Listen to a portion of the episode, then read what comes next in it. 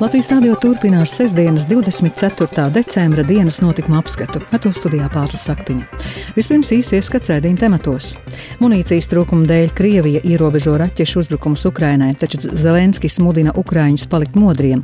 Mediķi aicina nepārslogot neatliekamās palīdzības zvanu centru ar nebūtiskiem jautājumiem. Ziemassvētku brīvdienās iedzīvotāji velta laiku ģimenei un gaida gaišākas dienas. Krievijas karaspēks šodien nāvējoši apšaudīja Hersonu. Ukrainas dienvidos. Krievija ikdienu turpina apšaudīt Ukrainu, taču munīcijas trūkuma dēļ tā ir ierobežojusi masveida triecienus. Tomēr valsts prezidents Zelenskis aicina iedzīvotājus saglabāt piesardzību. ASV kongress pasniedzis Ukrainai Ziemassvētku dāvanu, apstiprinot militāro palīdzību vairāku desmitu miljardu dolāru apmērā. Šīs dienas notikumus Ukrainā apkopojas Uldis Česberis. Vismaz astoņus cilvēkus nogalināja, kad Helsinas centru apšaudīja iebrucēji no Krievijas. Vēl 57 cilvēkus ievainoja, vissmagāk cietušos nogādāja slimnīcā. Helsinas mēra padomnieks Romāns Holovņa sacīja, ka pilsētu visticamāk apšaudīja ar reaktīvās artilērijas lādiņiem, kas bija mērķēti pa vietām, kur brīvdienās apgrozās daudz cilvēku. Это рынок, это супермаркет, такая pečāļnā situācija. Tas bija tirgus, tas bija lielveikals. Lūk, tāda skumja situācija. Miermīlīgos iedzīvotājus iznīcināja Krievijas federācijas bruņotie spēki, ja viņus vispār var saukt par bruņotajiem spēkiem. Hersona faktiski atrodas uz frontes līnijas. Pilsētu apšauda ar dažāda veida ieročiem, artilēriju, mīnmetējiem un neaktīvajām rakešu palaišanas iekārtām. Apšaužu laikā tās ir minūtes un sekundes, kad lādiņi sasniedz pilsētu. Tāpēc šādā situācijā, diemžēl, ir grūti runāt par kaut kādu trauksmi vai brīdinājumiem. Ukrainas prezidents Volodimirs Zelenskis paziņoja, ka Helsonas apšaude bija kārtējais apliecinājums tam, ka Krievija ir teroristu valsts, jo tās spēki apšaudīja tikai civilos objektus. Viņa prāt, tā ir slepkavošana, nolūkā iebiedēt un gūt baudu. Zelenskis iepriekš video paziņojumā vērsās pie Ukrainas iedzīvotājiem ar brīdinājumu arī Ziemassvētkos nezaudēt modrību un būt piesardzīgiem. Пам'ятайте, хто воює проти нас у святковий час. Atcerieties, kas cīnās pret mums. Tuvojoties svētku laikam, Krievijas teroristi var atkal aktivizēties. Viņi nicina kristīgās vērtības un vērtības kā tādas. Tāpēc lūdzu, ievērojiet gaisa trauksmes, palīdziet viens otram un vienmēr rūpējieties viens par otru. Un vēl, Krievijas pilsoņiem ir skaidri jāsaprot, ka terors nekad nepaliek bez atbildes. Šodien aprit desmit mēneši kopš Krievijas pilna apmēra iebrukuma Ukrainā. Pēdējās nedēļās frontē nav notikušas būtiskas izmaiņas, taču atsevišķās vietās turpinās smagas cīņas. Joprojām karstākais frontes punkts ir Bahmutas pilsēta Donetskas apgabalā. Šodien Bahmutas apkaimē ir nogalināti vismaz 90 iebrucēji, bet vēl simts ievainoti paziņojuši Ukrainas bruņotie spēki. Krievijas spēki Bahmutas virzienā ir veikuši 225 uzbrukumus, izmantojot artilēriju, reaktīvās raķešu palaišanas iekārtas un tankus. Britu militārie izlūkdienesti ziņo, ka kopš oktobra Krievija ir papildinājusi savus spēkus Ukrainā ar desmitiem tūkstošiem rezervistu, taču munīcijas trūkums varētu būt galvenais iemesls, kāpēc Krievu sauszemes uzbrukuma operācijas joprojām ir ļoti ierobežotas. Savukārt spārnoto raķešu deficīta dēļ Krievija savus masveida triecienus pa Ukrainas kritisko infrastruktūru ir ierobežojusi līdz vienai reizei nedēļā. Ukrainas aizsardzības ministrijas galvenās izlūkošanas pārvaldes priekšnieks Kirilo Budānovs intervijā Izdevumam New York Times sacīs, ka Krievija no Irānas ir saņēmusi 1700 dronus kamikadzes Shahid, no tiem aptuveni 540 jau ir izmantoti uzbrukumos Ukrainai. Budanovs arī apgalvojis, ka Irāna pašlaik ir atteikusies piegādāt Krievijai savas ballistiskās raķetes, jo baidās, ka tādēļ Rietumvalstis pastiprinās sankcijas. Labas ziņas saņemtas no Amerikas Savienotajām valstīm. Kongress vakar apstiprināja valsts budžetu periodam līdz nākamā gada septembra beigām. Tajā atvēlēti arī 45 miljardi dolāru dažāda veida palīdzībai Ukrainai, tostarp 23 miljardi dolāru militārajai palīdzībai. ASV prezidents Džo Baidens budžetu solījis parakstīt tuvākajā laikā. Uldis Česberis, Latvijas radio.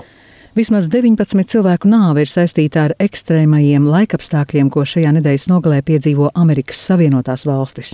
Spēcīgas sniega vētras, sasalstošas lietus, plūdi un neparasti zema gaisa temperatūra ir skārusi lielu daļu valsts, nopietni ietekmējot miljonu cilvēku ceļojumu plānus pirms Ziemassvētku brīvdienām. Turpina Ulris Česberis.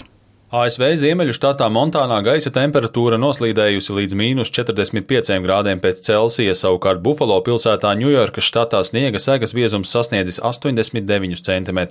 Spēcīgā vēja un apledojuma dēļ daudz viet ir bojātas augstsprieguma līnijas, tāpēc vairāk nekā pusotrs miljonus mājasēmniecību un uzņēmumu ir palikuši bez elektrības. Vakar visā valstī atcelti gandrīz 5000 lidojumu. Ziemassvētku laiks ierasti ir arī laiks, kad daudz vairāk cilvēku gūst traumas. Tādēļ pieaug arī izsaukumu skaits neatliekamās medicīniskās palīdzības dienestam.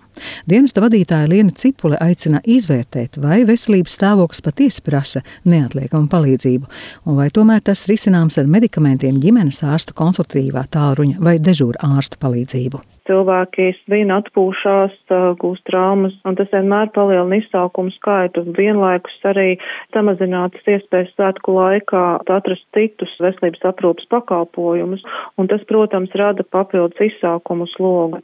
Būtu vērts arī svētku laikā panīt uz ģimenes ārstu konsultatīvo tāruni, bet tāruni 113 nenoslogot ar to, ka vēlas saņemt konsultāciju vai es gribu tikai pajautāt, arī tādi mums ir zvani.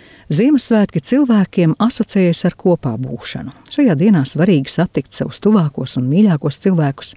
Dažiem noteikti Plānā ir baznīcas apmeklējums, citam arī svētku dienā jāstrādā, bet vēl kāds neslēpj, ka par Ziemassvētkiem svarīgāki ir īstie ziemas saulgrieži, kas jau aizvadīti 21. decembrī. Latvijas rādio uzrunāja Doma laukuma Ziemassvētku tirdziņa apmeklētājus un tirgotājus, lai noskaidrotu, kā viņi plāno aizvadīt Ziemassvētku vakaru. Kā svinēsiet Ziemassvētkus? Šeit, tirdziņā.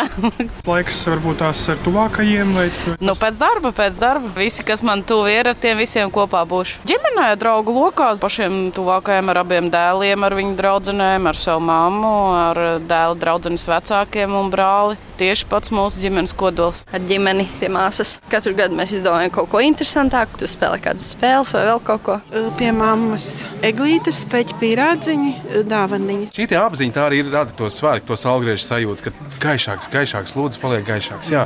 Jums svarīgāk ir ziemas salgrieži? Jā, noteikti, noteikti, jo tas ir tas dabas process, tas ir tas astronomiskais, tas ir arī tas mūsu tradīciju kopums, kas man ir kā, nu, vieglāk ir sasaistīt pašam ar sevi, ar dabu, ar, ar, ar, ar savu ģimeni. Tie Ziemassvētki priekš sevis, nu, man tie nav baznīcas svētki, nu, nekad arī īsti nav bijuši. Protams, tās ir dāvanas, tās ir eglītes, tās ir kopā būšanas, bet viņam nav šī reliģiskā kaut kāda konteksta. Dāvanas ir jāeglīte jau stāv mājās un uz baznīcu ejam Ziemassvētku vakarā. Nu, šie Ziemassvētki būs mums ar ģimeni īpaši, jo mēs strādājam šeit, tirdziņā, ar visu ģimeni. Tie būs tādi pirmie.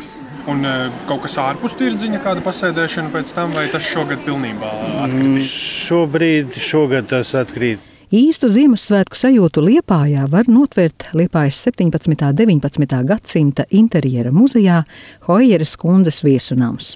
Tur krogā ikdienu ne tikai smaržo pēc šmorētiem kāpostiem, bet muzeja darbinieki uzbūruši Ziemassvētku eglīti no pašu darinātiem rotājumiem, turklāt to paveikuši iedvesmojoties no 19. gadsimta tradīcijām. Muzejā gada nogalē notikušas 30 muzeja pedagoģijas nodarbības, kuru laikā bērni varēja iepazīties ar Hojeras namu un paši darināt eglīšu rotājumus. Eglīti devās aplūkot arī mūsu kurzemes korespondente Inga Ozola. Tā, tas ir pasažieru vilciens priekš cilvēkiem. Tas maziņais ir kravas vilcieniņš, viņš ir smagāks. Pirms bērni dodas aplūkot brīnumaino interjera muzeja eglīti, kas atrodas otrajā stāvā 19. gadsimta tradīcijās iekārtotajā Stendera ģimenes viesistabā, visi abrīno bērnistabas lielāko pārsteigumu - mazo spēļu vilcieniņu.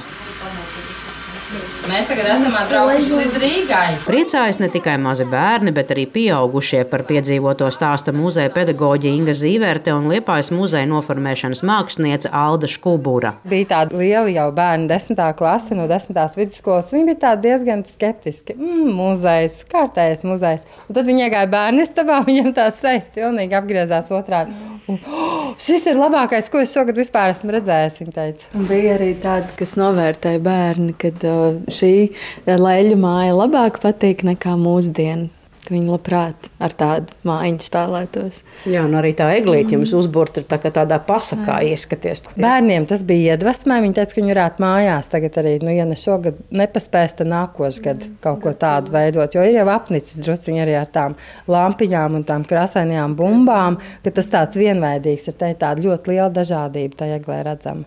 Šis svētku gaidīšanas laiks bijis īsts maratonas mūzeja pedagoģijai par Ziemassvētku svinēšanas tradīcijām stāstīts gan lieliem, gan maziem, arī veidoti rotājumi. Apmēram 30 nodarbības decembrī. Grupas ir lielas, ir grupas, kur ir bijuši pat vairāk kā 30 bērni. Bija arī pāris nodarbības pieaugušajiem, arī tos pašus rotājumus, varbūt kādu nedaudz arī grūtāku mēs viņiem iedavām. Strādājam tāpat kā ar bērniem. Ir skolotāji tev līdzīgi. Vismaz tās nodarbības ir līdzīgas. Nu, kam vajag palīdzību? Es varu palīdzēt. Jā, man palīdz vajadzēs. Tiem, kuri nepaspēja šogad muzeja pedagoģijas nodarbības notikšot arī nākamajā gadā, brīnumaino eglīti muzejā var apskatīt tik viens interesants. Decembrī muzeja darbinieki saņēma arī kādu īpaši priecīgu vēsti, jo Liepājas muzeja filiāle, Liepājas interjera muzejs Hojeras kundzes viesunams, ieguva eksporta un inovācijas balvu un tika atzīts par eksportspējīgāko jauno turismu produktu. Ingozola Latvijas radio kurzemē. Un vēl par sportu. Pasaules hokeja čempionāts Rīgā notiks jau nākamā gada maijā, un līdzjutēji ne tikai paši mājās to gaida ar nepacietību. Savu ceļojumu uz Rīgu jau plāno arī sporta draugu kluba Pērkons, viens no dibinātājiem, īrijā dzīvojošais Imants Malmanis. Viņš Latvijas radio pastāstīja, ka jau kopš šī gada pasaules čempionāta noslēguma krāja naudu nākamajam turnīram dzimtenei. Malmanis gan nepiekrita daļai Latvijas sabiedrības kritikas, ka biļetes uz Rīgas čempionāta spēlēm ir neatbilstoši dārgas. Imantu Malmani Ziemassvētku vakarā izvaicāja Mārtiņš Kļavinieks. Es braukšu, man tuvākie draugi arī. Viena daļa gan vēl nē, vēl tā domā īsti, jo, jo prioritātes mainās, cilvēki paliek vecāki. Un mēs esam bijuši uz ļoti daudziem čempionātiem sākot no desmitā gada, bet par tām cenām runājot, nu, tie laiki beigušies, ka tās lētās biļetes būs. 17. gadā Vācijā bija pa 19 eiro stāvošās biļetes, tas bija arī pēdējais. Es domāju, mēs esam samierinājušies, esam runājuši par to ar draugiem. Jo viss jau paliek pasaulē dārgāks. Nu, tās Rīgas cenas varbūt tās tā neadekvāti uzskrūvētas bišķi uz augšu. Nu, kā ir tā ir, nu, gadu jau krāj to naudu. Visu laiku, kā beidzās čempions, tā krāj to naudu nākošajam gadam. Katru mēnesi noliek burkā speciāli burka. Ja? Nu, tad tā ir vieglāk, jo, kad tuvojās tās avio nopērk, jā, nopērk tās biļetes. Jā. Tā nauda vismaz kaut kāda iekrāta nav uzreiz jāizmet no maka visā ārā. Jo nav jau lēts prieks tas viss. E, kurš varbūt no tiem pēdējiem čempionātiem ir bijis tāds izmaksu ziņā visdārgākais? Es paredzu, Dānija varētu tā būt 2018. gads. Jā, jā Dānija varētu būt. Jā, Dānija un varbūt tās tad arī Somija. Divas nedēļas tur sanāca diezgan par spīti biļešu cenām un uh, tomēr pietiekami lielai neapmierinātībai sabiedrības vidū šeit Latvijā, ka tās ir tik augstas. Ticat, ka tie būs tādi īsteni hokeja svētki un nesabojās ne biļešu cenas, ne varbūt uh, apkārtējo ēdinātāju, dzirdinātāju paaugstinātās cenas, kur droši vien arī gribēs nopelnīt pie arēnas? Es domāju, ka jā, vismaz tiem cilvēkiem, kas to dara, kas brauc katru gadu uz čempionātiem. Tas ir jau, jau asinīs, ka ir tie svētki mums, mēs braucam. Labi, es Facebookā palasu tur kurnētāji daudz, o, nenormāli dārgi, vai, nu, viss kas, jā. Nu, es nedomāju, ka tas cilvēks varbūt kādreiz kaut kur braucis. Viņš domā, ka Latvijā viņam tāda pa piecīgi kāds iedos to biļeti. nu, kā ir tā, ir, ko tu izdarīsi? Nav jēga gausties. Bet tiem cilvēkiem, kas ir katru gadu man apkārt hokeja čempionātos no Latvijas, nu, ko es pazīstu daudz cilvēkus, nu, tiem ir tiešām svētki būs. Jums un citiem ārzemju latviešiem tā tomēr ir iespēja apciemot arī dzimteni un pie reizes arī baudīt jā, hokeju. Jā. Jā, pie reizes tur tiks apvienots viss, kas tehniskās apskates, kā saka doktori, radinieki un viena liela balle. Jā, priecīgs svētkus! Izskan dienas notikuma apskats, producents Edgars Kupčs, ierakstus montēja Kaspars Groskops, par labskaņu rūpējās Kārlis Rašmanis, ar jums runāja pārslas aktiņa, vēl īsi par svarīgāko. Munīcijas trūkuma dēļ Krievija ierobežo raķešu uzbrukumus Ukrainai, taču Zelenskis mudina Ukraiņus palikt modriem. Mediķi aicina nepārslogot neatliekamās palīdzības zvanu centru ar nebūtiskiem jautājumiem.